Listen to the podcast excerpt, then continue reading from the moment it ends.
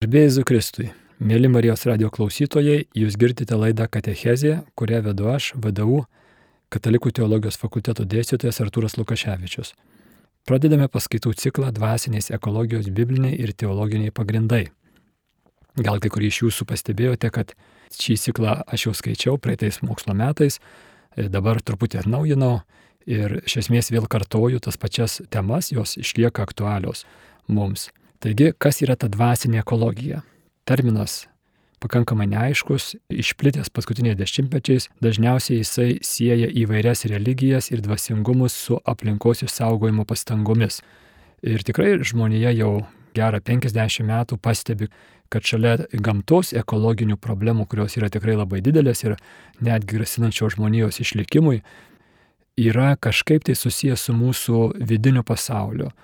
Ir tokia garsi citata mokslininko, gamtosaugininko, didelio autoriteto gamtosaugos srityje, buvusio ją valstybės patarėjo klimato kaitos klausimais, Jamesas Gustavas Pethas yra pasakęs, sako, anksčiau maniau, kad didžiausia aplinkosaugos problema yra bio įvairovės mažėjimas, ekosistemų griuvimas ir klimato kaita. Aš maniau, kad per 30 metų mokslas šias problemas įspręs. Aš klydau pačios svarbiausios aplinkosaugos problemos yra savanaudiškumas, gaudumas ir apatija. O kad tai veiktume, mums reikia kultūrinės ir dvasinės transformacijos. Mes, mokslininkai, nežinome, kaip tai padaryti. Tikrai akivaizdu, kad žmogaus gaudumas, jeigu mes ir toliau išlaikysime tą didžiulį apetitą daiktams ir pramogoms, bandydami užpildyti savo vidinę tuštumą, tai gamta tiesiog nepajėgi to atlaikyti ir mūsų vidus, mūsų dvasinis gyvenimas, dvasinis pasaulis labai aktyviai reiškiasi, sukeldamas arba spręsdamas gamtos saugos problemas. Popiežius Pranciškus su savo enciklika Leudato Si 2015 metais paskelbta duoda gairias, kaip krikščioniškas įstikėjimas turėtų prisidėti prie ekologinių problemų sprendimo. Enciklika pakankamai garsi, nuskambėjusi, labai įdomi, originali, maloniai taip skaitosi, dokumentai bažnyčios dažnai būna sunkiai skaitomi ir šis dokumentas toks nėra. Ir jis tenai plačiai naudoja savoką integrali ekologija.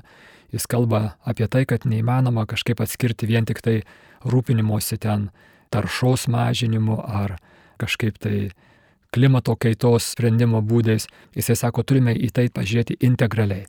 Visų pirma, ta integralioji ekologija pagal Pranciškų apima žmogaus santyki savo viduje, žmogaus santykiai su pačiu savimi, jo vidaus pasaulio sutvarkymą. Tai būtų toks pirmasis asmens lygmuo. Pranciškus akivaizdžiai rodo, kad kol mes nesusitvarkysime su savo vidumi, savo apetitais, tai ekologinių problemų sprendimas yra nepasiekiamas ir visos pastangos yra iš esmės iliuzinės. Tada Pranciškus sako, antrasis lygmuo yra žmogaus santykio su kitu žmogumi sutvarkymas. Tai būtų visuomenės lygmuo tai irgi labai aktyviai pasireiškia prisidedant arba trukdant gamtosaugos problemas. Ir tada trečiasis lygmo būtų žmogaus santykio su gyvaja ir negyvaja gamta sutvarkymas. Tai čia būtų ta klasikinė ekologija šitam lygmenyje. Gyvoji gamta, gyvūnijos, augmenijos pasaulis ir negyvoji gamta - upės, kalnai, ežerai, jūros tarša, valymas ir panašiai aplinkosaugos lygmuo. Tai šiuose laidose Terminą dvasinė ekologija aš naudosiu išreikšti pirmiesiems dviems lygmenėms aptarti. Tai yra gairės, kaip žmogus susitvarkyti savo vidų, kad jis turėtų teisingą, arba būt galima sakyti ekologišką santykį su savimi ir tada su visais kitais žmonėmis.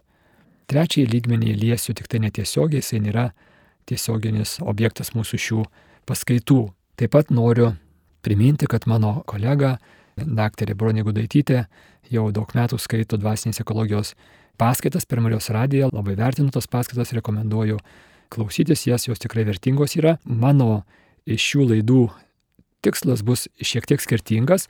Aš norėsiu žvelgti į pagrindus tos dvasinės ekologijos biblinius ir teologinius.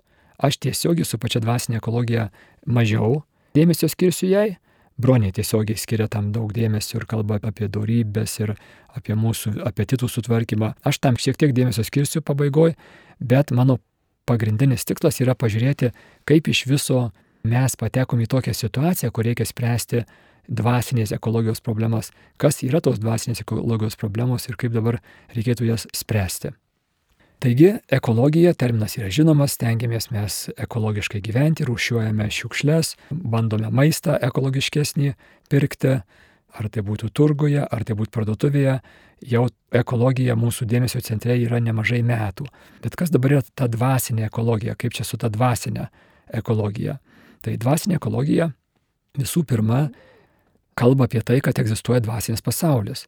Ir jisai, tas dvasinis pasaulis nėra tik tai kažkaip tai įsivaizduotas ar kažkaip e, susapnuotas ir panašiai, bet jis yra realiai egzistuojantis ir žmogus jame dalyvauja. Tame dvasinėme pasaulyje mes turime dalį ir mūsų aktyvus dalyvavimas jame gali būti labai konstruktyvus arba labai destruktyvus.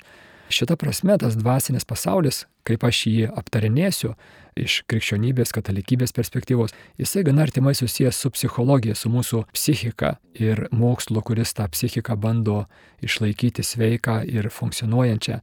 Bet vis dėlto tai nėra tie patys dalykai.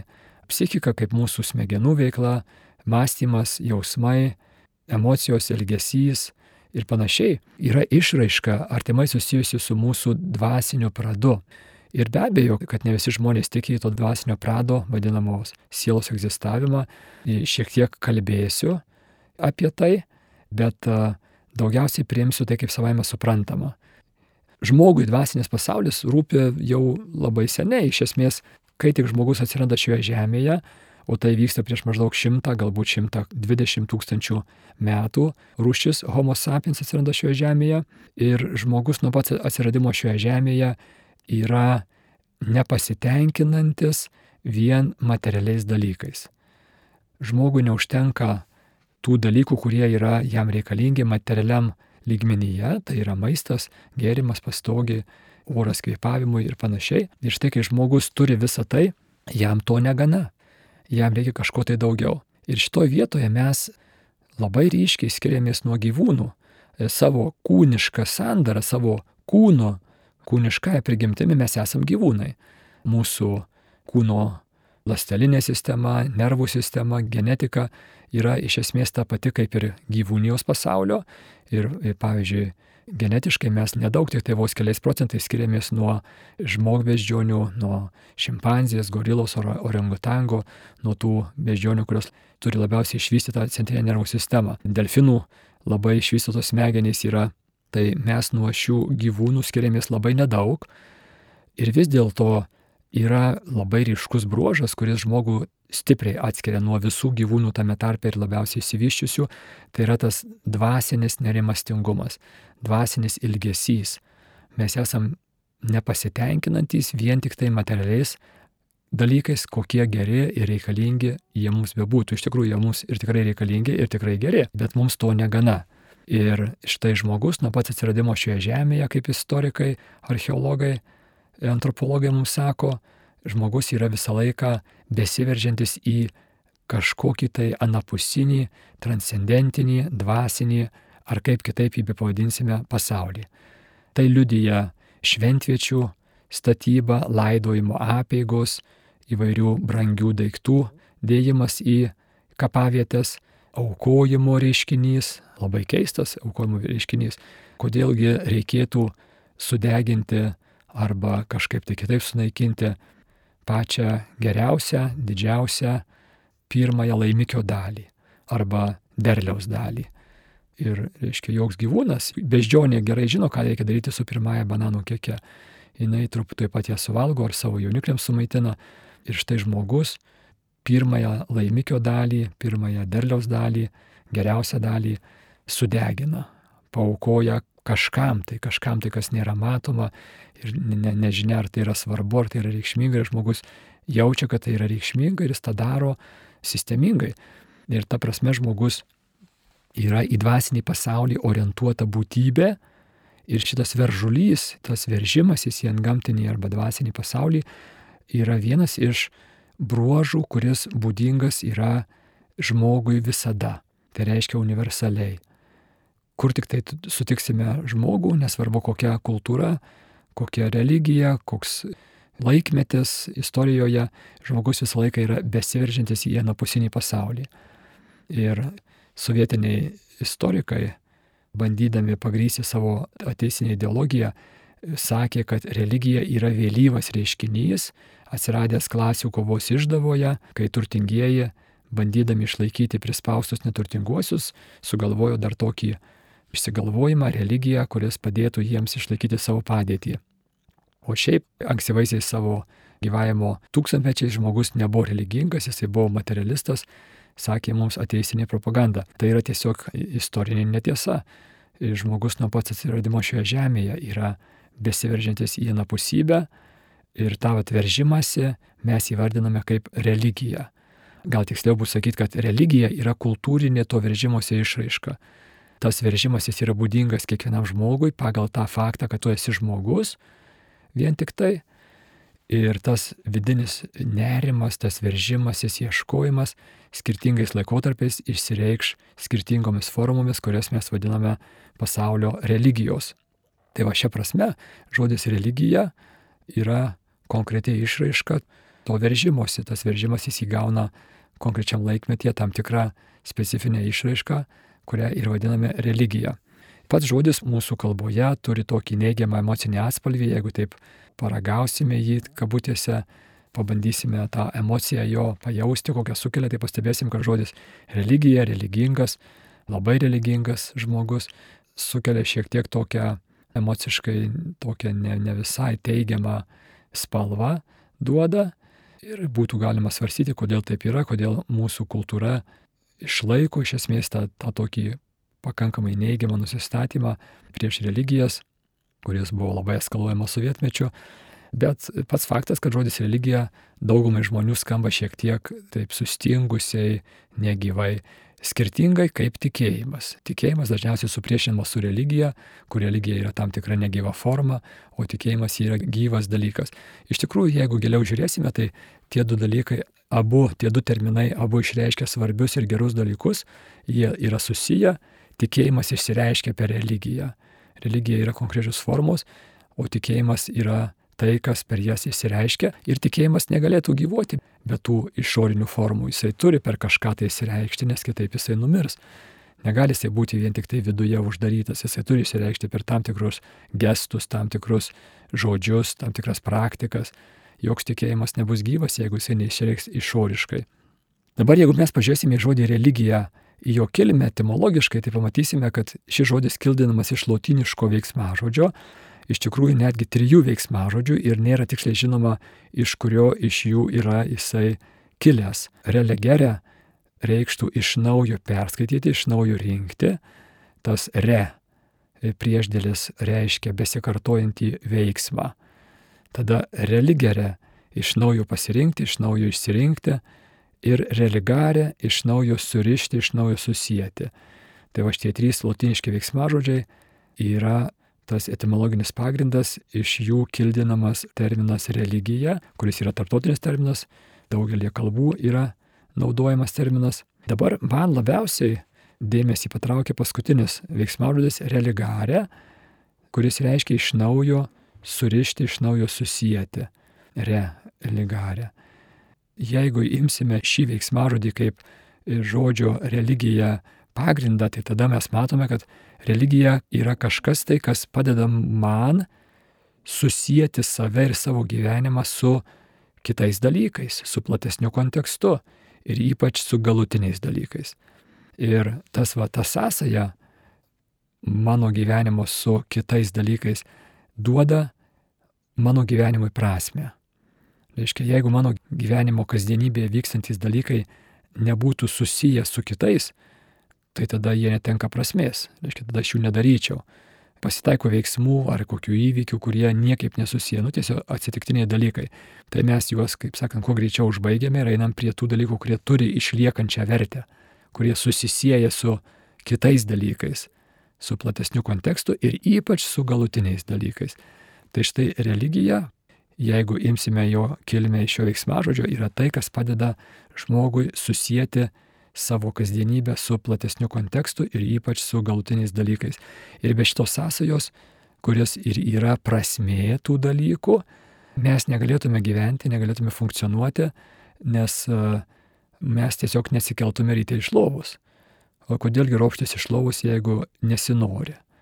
Ir reikia rasti motivaciją, reikia sakyti savo klausimą, kodėl, kodėl aukštimas iš, iš lovos yra vertingas, kodėl jisai turi kažkokią tai išliekančią vertę, kaip jisai susijęs su kažkokiais tai vertingais dalykais, dėl kurių verta raupštis iš lovos.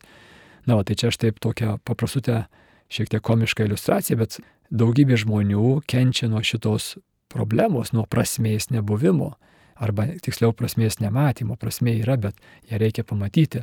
Ir garsusis psichologas Viktoras Franklis sakė, tai yra pagrindinė psichikos susirgymų priežastis - prasmės nematymas tikrai ar tai pagrindinė, ar nepagrindinė, bet jinai akivaizdžiai tikrai didelė ir vakarų pasaulis jau nemažai dešimtmečių serga prasmės nematymo lyga ir tai duoda didžiulės, didžiulės ir psichologinės, ir dvasinės, ir, ir galų gale materialias problemas kyla iš to. Taigi žodis religija etimologiškai matome kaip yra tam tikra sistema, minties sistema, veiksmų sistema, kuri padeda žmogui susisieti su platesniu kontekstu ir galėtume sakyti, kol esame sveiki, ypač jeigu esame jauni, tai gal poreikio tam nematome, bet pabandykime įsivaizduoti žmogų, kuris, pavyzdžiui, serga nepagydoma lyga ir jam pasakyta, kad jam liko gyventi šeši mėnesiai. Arba įsivaizduokime žmogų, kuris pasmerktas kalėti iki gyvos galvos. Ir tada jam labai aštriai iškyla tas prasmės klausimas. Tai ar turi mano kasdienybė prasme, išliekančią vertę, aš keliuosi, savo kuklius varganus pusryčius valgau, paskui kažką tai stumiu laiką, paskui dar kažką tai darau, reiškia, ar tai turi išliekančią vertę ir jeigu ne, tai tada kažkas žmoguje viduje nutrūksta, jisai negali be, be prasmės. Turi turėti išliekančią vertę ir štai religija yra tai, kas padeda žmogui pamatyti, atpažinti tą išliekančią vertę, tai yra prasme.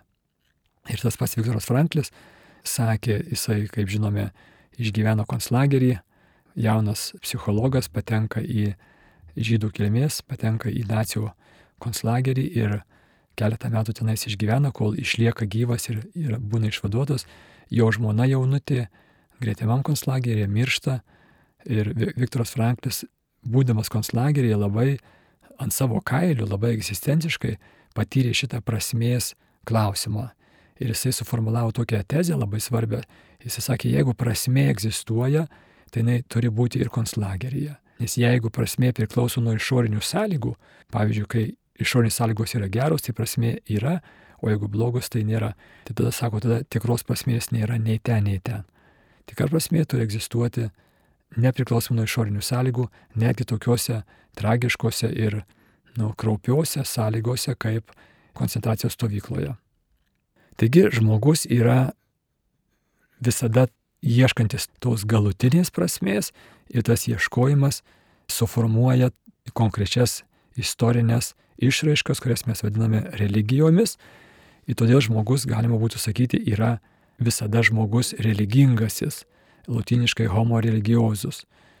Tas nukreiptumas žmogaus į antgamtę išlieka visais laikais. Ir tuo pačiu metu šitas nukreiptumas į antgamtę yra būdingas tik tai žmogui tiek, kiek mes pažįstame gyvūnus ir dabar e, jau tikrai nemažai, e, zoologijos mokslas ir zoopsichologijos mokslas yra įsivystęs, tai mokslas nemato nieko panašaus į kažkokį tai gyvūnų antgamtinį elgesį ar antgamtinį jausmą, antgamtinį veržimąsi.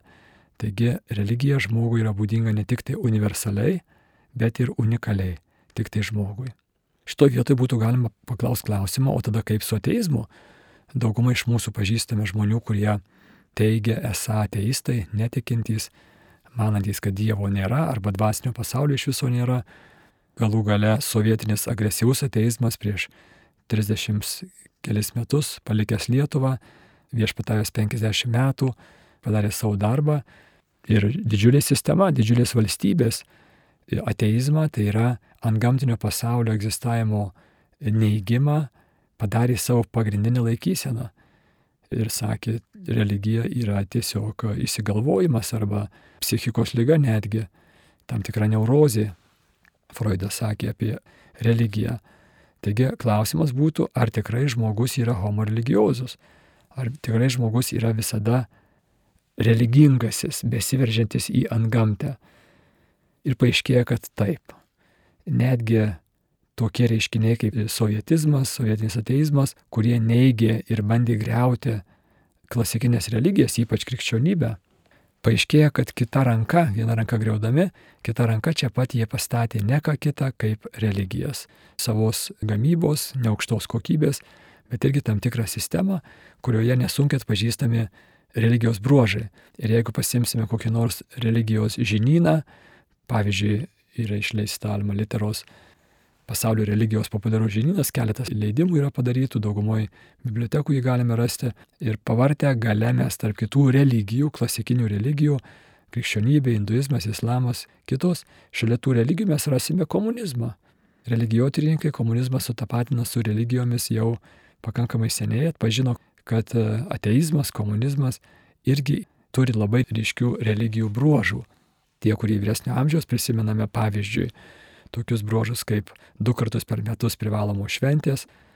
Tų švenčių metu vyksta demonstracijos, kurios yra iš esmės religijose žinomos kaip procesijos. Tose demonstracijose nešamos nuotraukos ar paveikslai sektinų herojų, sektinų didvyrių, skamba garbinimo šūkiai, visi susirinkusieji atliepia tiem šūkiams tam tikrų pritarimų atliepu, ura, valio, ta religija turi savo šventenybę, tai yra Lenino palaikai, mauzoliejuje buvo galima atlikti kažką tai panašaus į piligriminę kelionę, nuvykus į Maskvą, anksti ryte atsikėlus, atstovėjus ilgą eilę, didžiulėje iškilmingoje tyloje praeiti pro tos religijos nu, didžiausia šventinybė. Tai va, šie ir panašus elementai yra labai ryškus ir religijotininkai jau seniai atpažino, kad komunizmas ir kitos ateistinės ideologijos čia pat tampa savos rūšies religijomis. Nors jie sako, kad jie greuna visas religijas ir yra priešiški religijoms, niekur nepabėga nuo to fakto, kad žmogus savo viduje, savo širdyje yra linkęs, turi tokį nukreiptumą į religinį gyvenimą. Ir jeigu tas religinis gyvenimas klasikiniais pavydalais iš jo atimamas, tai jisai tada pasistato savos gamybos neaukštos kokybės kažkokią tai reiškia savo paties sukonstruotą religiją. Tai su komunizmo, ateizmu yra pakankamai aišku, galėtų iškilti klausimas, o kaip yra su šiandieniniu vakarų sekularizmu. Tai yra Dievo atmetimu, kuris matomas, nu, ypač vakarų Europoje, šiaip ir visoje Europoje, ir Šiaurės Amerikoje, bet ypatingai tas ryšku vakarų Europoje.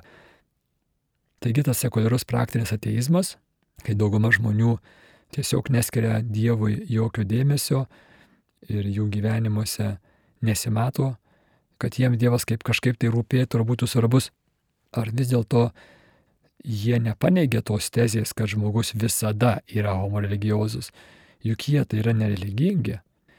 Ir klausimas tikrai rimtas yra, religijotyrininkai jį tyria tą klausimą, nagrinėja, pasisako vieni prieš kiti už, tačiau religijotyrininkai šiloj gyvensino, šitam gyvenimo būdė, pasaulyje žiūroje, bando išvelgti ir randa tam tikrų religijos elementų. Vienas iš tų elementų, toksai truputį juokingas, yra keliant klausimą, kas yra šitos religijos e, šventovės. Pagrindiniai centrai, kuriuos galim būti identifikuoti kaip šios religijos šventovės. Ir paaiškėja, kad tie centrai yra, tai yra didieji prekybos centrai. Šita religija, kuri orientuota į vartojimą kaip laimės pasiekimo būdą, turi savo, nu, tokius pakaitalus šventovių. Ir religijotininkai išvelgia ir siūlo mums pasvarstyti apie didžiosios prekybos centrus, kurie atlieka šitą vartojimo, šitos vartojimo religijos, Dievą atmetusios religijos tam tikrą šventojų funkciją. Kitas elementas irgi toksai truputį su humoru, bet visos pasaulio religijos turi savo emocinio išgyvenimo tokią plotmę. Kadangi žmogus yra socialinė būtybė, tai mums reikalingas kartu išgyventi jausmus. Na ir pavyzdžiui, krikščionybė tai būtų, reiškia, gavėnė ir didžioji savaitė kaip tokių neigiamų jausmų išgyvenimo laikotarpis, kur mes visi liūdime dėl Kristaus kančios ir žvelgiame į savo pačių gyvenimus bandydami atpažinti, kur mes prisidedam prie Kristaus kančios per savo nuodėmės. Ir Pavyzdžiui, Velykos mes džiaugiamės prisikelimu, Kalėdos laukiame Kristaus ir džiaugiamės jo gimimu, gimtadienį švenčiame. Tai va tai tokie elementai reiškia būtų krikščionybėje tokia emocinio suvienimo, kai didelės žmonių grupės išgyvena panašias emocijas. Ir žmogui to reikia, tokio vienybės, emocinės vienybės išgyvenimo, reiškia būtinai reikia. Kurgi šitas emocinis išgyven, vienybės išgyvenimas yra šio laikinėje Dievą atmetusioje sekuliarioje visuomenėje. Ir religijokininkai sako sporto įvykiai. Sporto įvykiai yra tos zonos, tos vietos, kur šiuolaikinis žmogus bando išgyventi emocijas kartu. Tas poreikis išgyventi kartu emocijas, tas vienybės jausmas, kai mes visi kartu liūdime arba visi kartu džiaugiamės, puikiai realizuojasi sporto įvykiuose.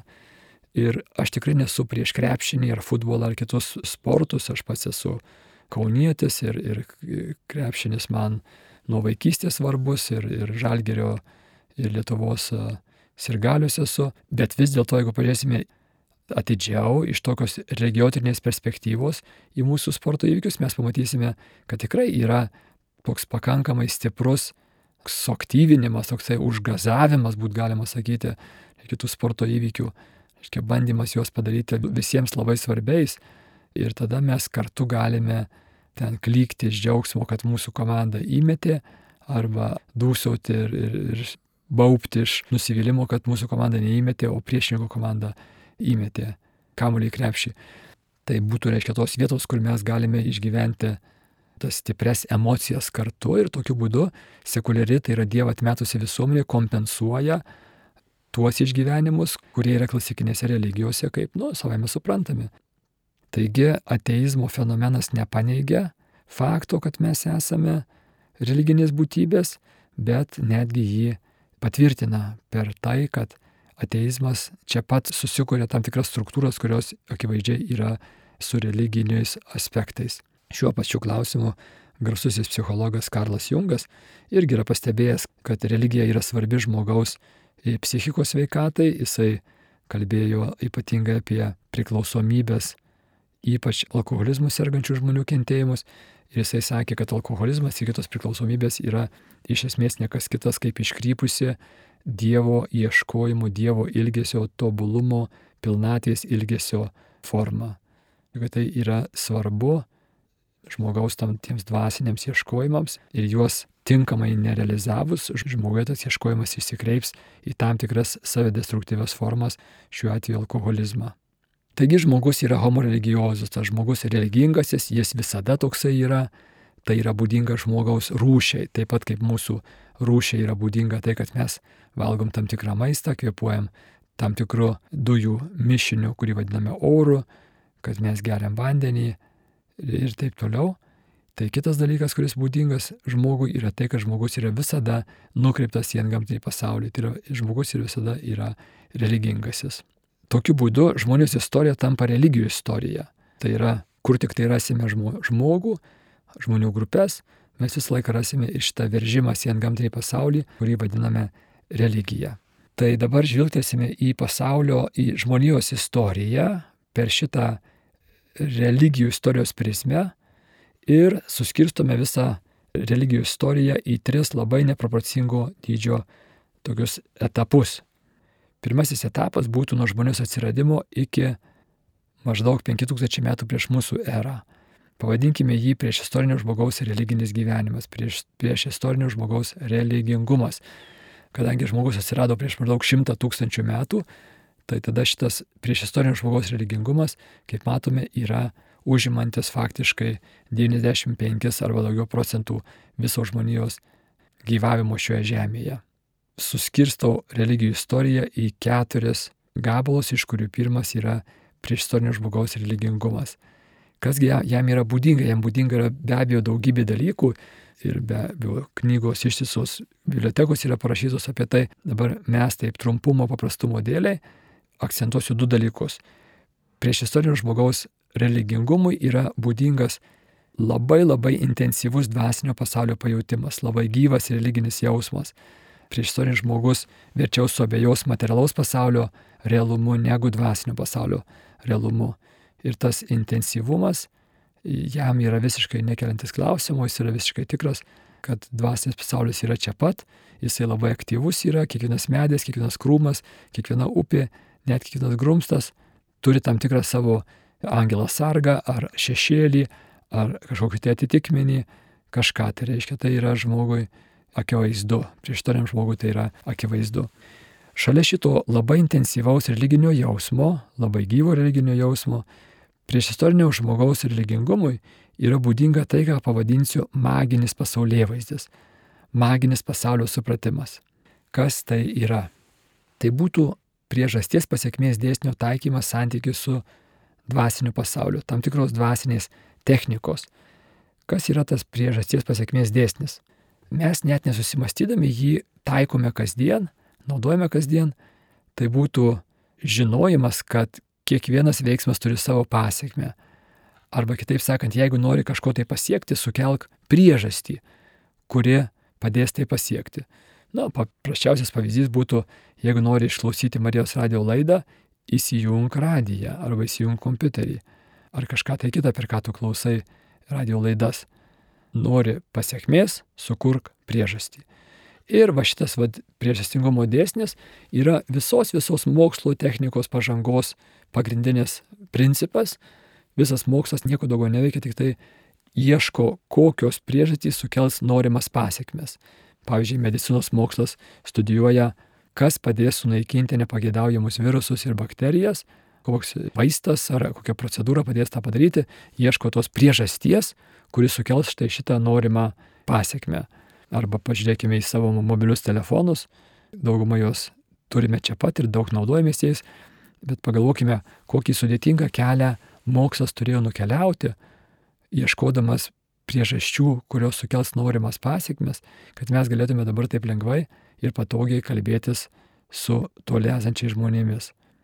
Taigi, tas priežastingumo dėsnis viso mokslo technikos pagrindas pradedamas taikyti santykius su antgamtiniu pasauliu.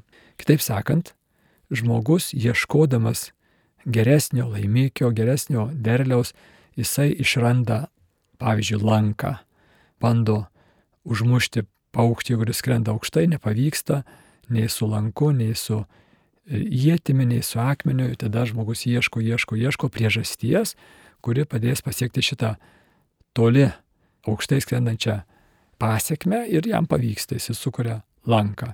Arba pagalvokite, arklas, kaip atsiranda. Žmogus ieško būdų, kaip turėti geresnį derlių ir tada suranda arklą, išardama žemė, jisai paruošia dirbą ir tada būna geresnis derlius.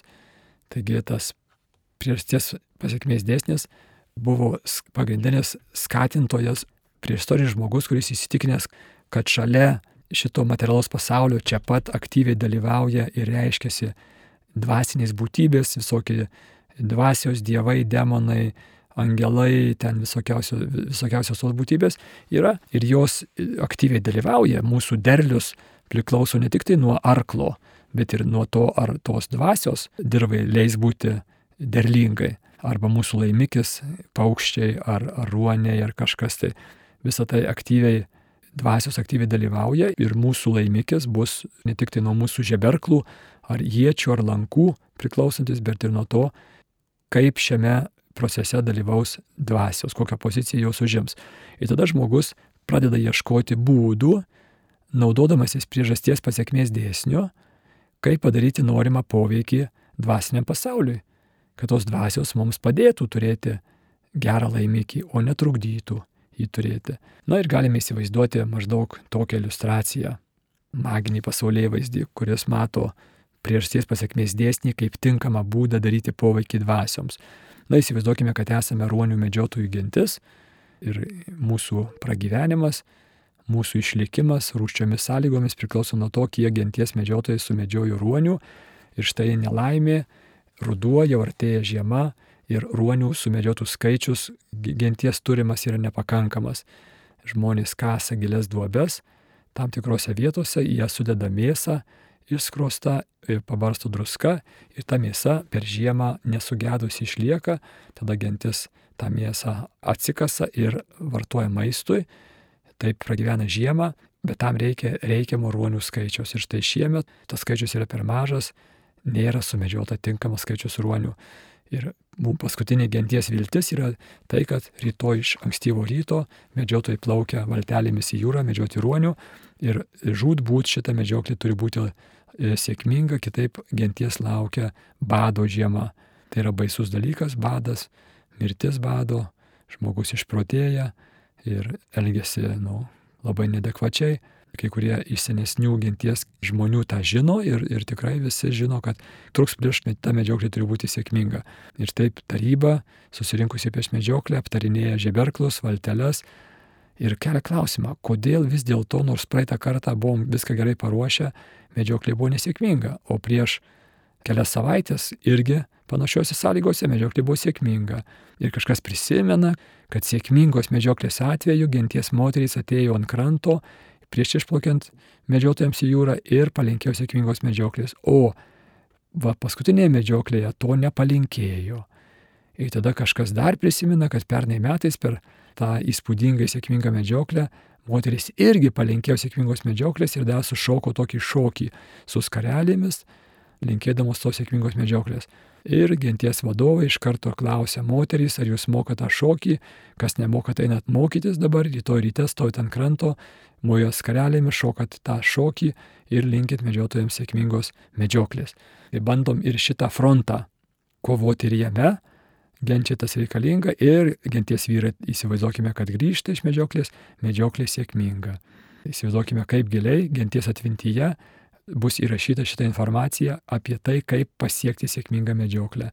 Ne tik tai per turint gerus įrankius, žeberklus, valteles, viską, visą įrangą, bet ir darant poveikį kažkokiam tai dvasiniam jėgom per tai, kas yra iš esmės maginis ritualas. Magija tai yra tam tikri žodžiai, užbūrimai, užkeikimai, slaptažodžiai, burtažodžiai, tam tikri veiksmai ritualiniai, tam tikri daiktai, pavyzdžiui, amuletai, tam tikri pastatai, šventovės, kurias žmogus naudoja tam, kad užmėgstų tinkamą ryšį, padarytų tinkamą poveikį dvasioms ir, reiškia, priverstų jas daryti tai, ką aš noriu.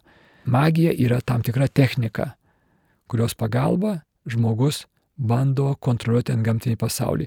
Lygiai taip pat kaip žmogus materialių technikų pagalba kontroliuoja materialų pasaulį, jisai bando kontroliuoti ir dvasinį pasaulį.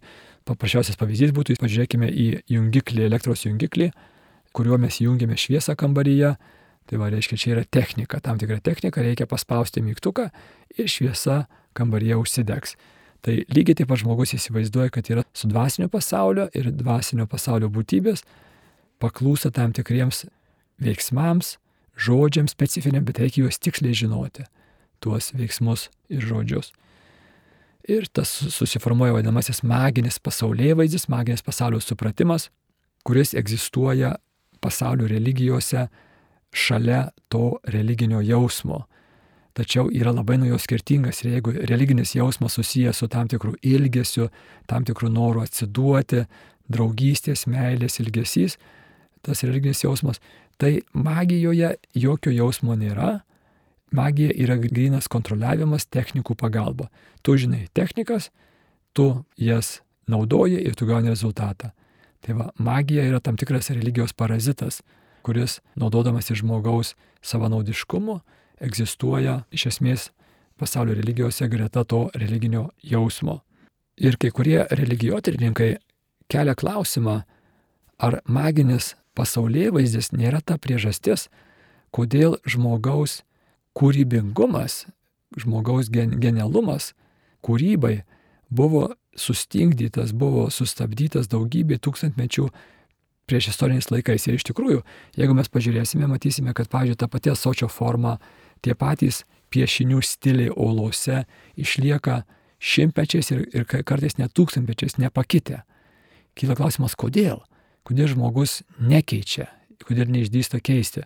Ir kai kurie duoda atsakymą, kad yra tai maginis pasaulyje vaizdas, kuris, kur žmogus įsitikinęs, kad viskas susiję, jisai bijo ką nors keisti materialiam pasaulyje, pavyzdžiui, sočio formą, nes gal tada vandens nebus, kadangi mūsų asočiai yra štai tokios specifinės formos, gal dėl tos priežasties mes turime kažką tai gerti ir bijoma ką nors pakeisti. Tas maginis pasaulėvaizdis turi tokią, nu, surakinančią, stingdančią, e, sušaldančią galę. Ir žmonėje ilgus šimtmečius negalėjo iš jos įsivaduoti. Bet štai ateina laikas, 5000 metų prieš Kristų ir atsiranda tai, ką mes vadiname ankstyvosios civilizacijos. Žmogus išdrįsta keisti. Apie tai bus kitoje laidoje. Girdėjote laidą Katechezė, kurią vedžiau aš, vadovų katalikų teologijos fakulteto dėstytojas Artūras Lukaševičius. Likite sveiki.